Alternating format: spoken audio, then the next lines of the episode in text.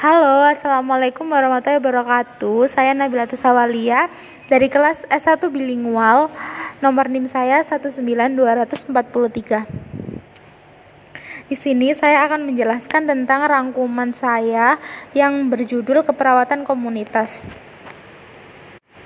Sebelumnya, keperawatan komunitas adalah pelayanan keperawatan profesional yang ditujukan pada masyarakat dengan penekanan resiko tinggi dalam upaya derajat kesehatan. Adapun tujuan dan fungsi perawatan komunitas yaitu untuk mencegah peningkatan kesehatan masyarakat melalui upaya-upaya berikut. Yang pertama adalah pelayanan keperawatan secara langsung. Selanjutnya, perhatian langsung terhadap kesejahteraan seluruh masyarakat. Yang selanjutnya, sekarang kita masuk ke dalam fungsi keperawatan komunitas. Yang pertama yaitu memberikan pedoman dan bimbingan yang sistematis dan ilmiah bagi kesehatan masyarakat dan keperawatan dalam memecahkan masalah. Selanjutnya, agar masyarakat mendapatkan pelayanan yang optimal sesuai dengan kebutuhannya di bidang kesehatan. Selanjutnya, memberikan asuhan keperawatan melalui pemecahan masalah komunikasi yang efektif dan efisien. Selanjutnya, agar masyarakat bebas mengemukakan pendapat berkaitan dengan permasalahan dan kebutuhan sehingga mendapatkan penanganan dan pelayanan yang cepat. Selanjutnya kita masuk ke dalam prinsip keperawatan komunitas. Adapun prinsip keperawatan komunitas ada lima, yaitu yang pertama kemanfaatan, yang kedua kerjasama, yang ketiga secara langsung, yang keempat keadilan, dan yang kelima autonomi klien. Apa sih kemanfaatan itu? Kemanfaatan adalah semua tindakan dalam asuhan keperawatan harus memberikan manfaat besar bagi komunitas. Selanjutnya kerjasama. Kerjasama dengan klien dalam waktu yang panjang dan bersifat keberlanjutan. Kerjasama sangat penting. Yang selanjutnya, secara langsung. Secara langsung adalah asuhan keperawatan diberikan secara langsung mengkaji dan intervensi klien dan lingkungannya Selanjutnya, kita masuk ke dalam keadilan. Keadilan adalah tindakan yang dilakukan disesuaikan dengan kemampuan atau kapasitas dari komunikasi itu sendiri. Selanjutnya yang terakhir, autonomi klien.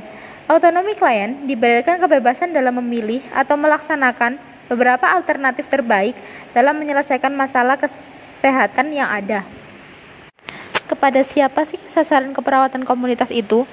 Keperawatan komunitas diberikan kepada tiga, yaitu individu, keluarga, dan kelompok khusus. Apa sih individu itu? Individu adalah anggota keluarga yang unik sebagai kesatuan yang utuh. Selanjutnya, untuk keluarga adalah kelompok individu yang berhubungan erat secara terus-menerus terjadi interaksi satu sama lain. Yang terakhir, kelompok khusus. Kelompok khusus adalah kumpulan individu yang mempunyai kesamaan jenis kelamin, umur, dan permasalahan. Untuk yang selanjutnya, kita masuk ke dalam falsafah keperawatan komunitas.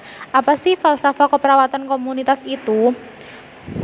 Falsafah keperawatan komunitas mengacu pada komunitas yang ada pada falsafah paradigma, yaitu meliputi manusia, kesehatan, lingkungan, keperawatan. Manusia adalah bio, psiko, sosio, dan spiritual. Untuk kesehatan, berupa promotif, preventif, kuratif, dan rehabilitatif. Selanjutnya, untuk lingkungan sendiri, ada fisik dan sosial. Untuk yang terakhir, keperawatan meliputi pemenuhan kebutuhan dan kemandirian klien. Sekarang kita masuk ke dalam tingkat pencegahan keperawatan komunitas. Di dalam tingkat pencegahan keperawatan itu ada tiga. Yang pertama adalah primer, sekunder, dan tersier. Primer adalah pencegahan sebelum terjadinya penyakit. Sekunder adalah pencegahan supaya menjadi sehat. Yang selanjutnya adalah tersier setelah sembuh. Kalau bisa, penyakit itu jangan sampai kambuh lagi. Selanjutnya, kita masuk ke dalam peran perawat. Peran perawat dalam komunitas yaitu yang pertama adalah memberikan pelayanan kesehatan.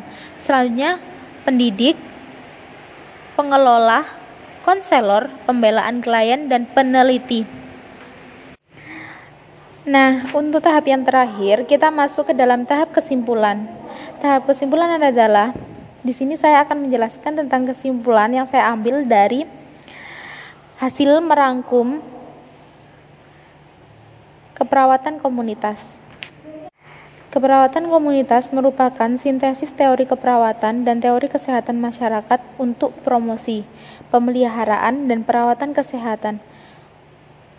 Perawatan kesehatan populasi melalui pemberian pelayanan keperawatan pada individu, keluarga, dan kelompok yang mempunyai pengaruh terhadap kesehatan.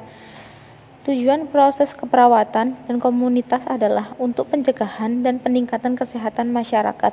Keperawatan kesehatan masyarakat harus mempertimbangkan beberapa prinsip yaitu kemanfaatan, kerjasama secara langsung dan keadilan.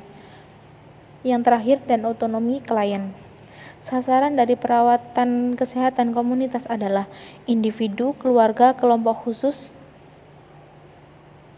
baik yang sehat maupun yang sakit.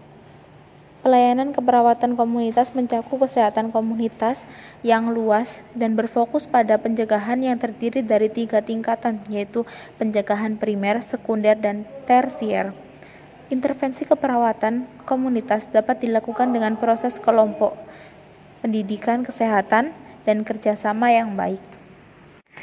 Itu tadi sekian yang dapat saya jelaskan dari keperawatan komunitas. Apabila ada salah kata dan kurangnya, saya mohon maaf. Terima kasih. Wassalamualaikum warahmatullahi wabarakatuh.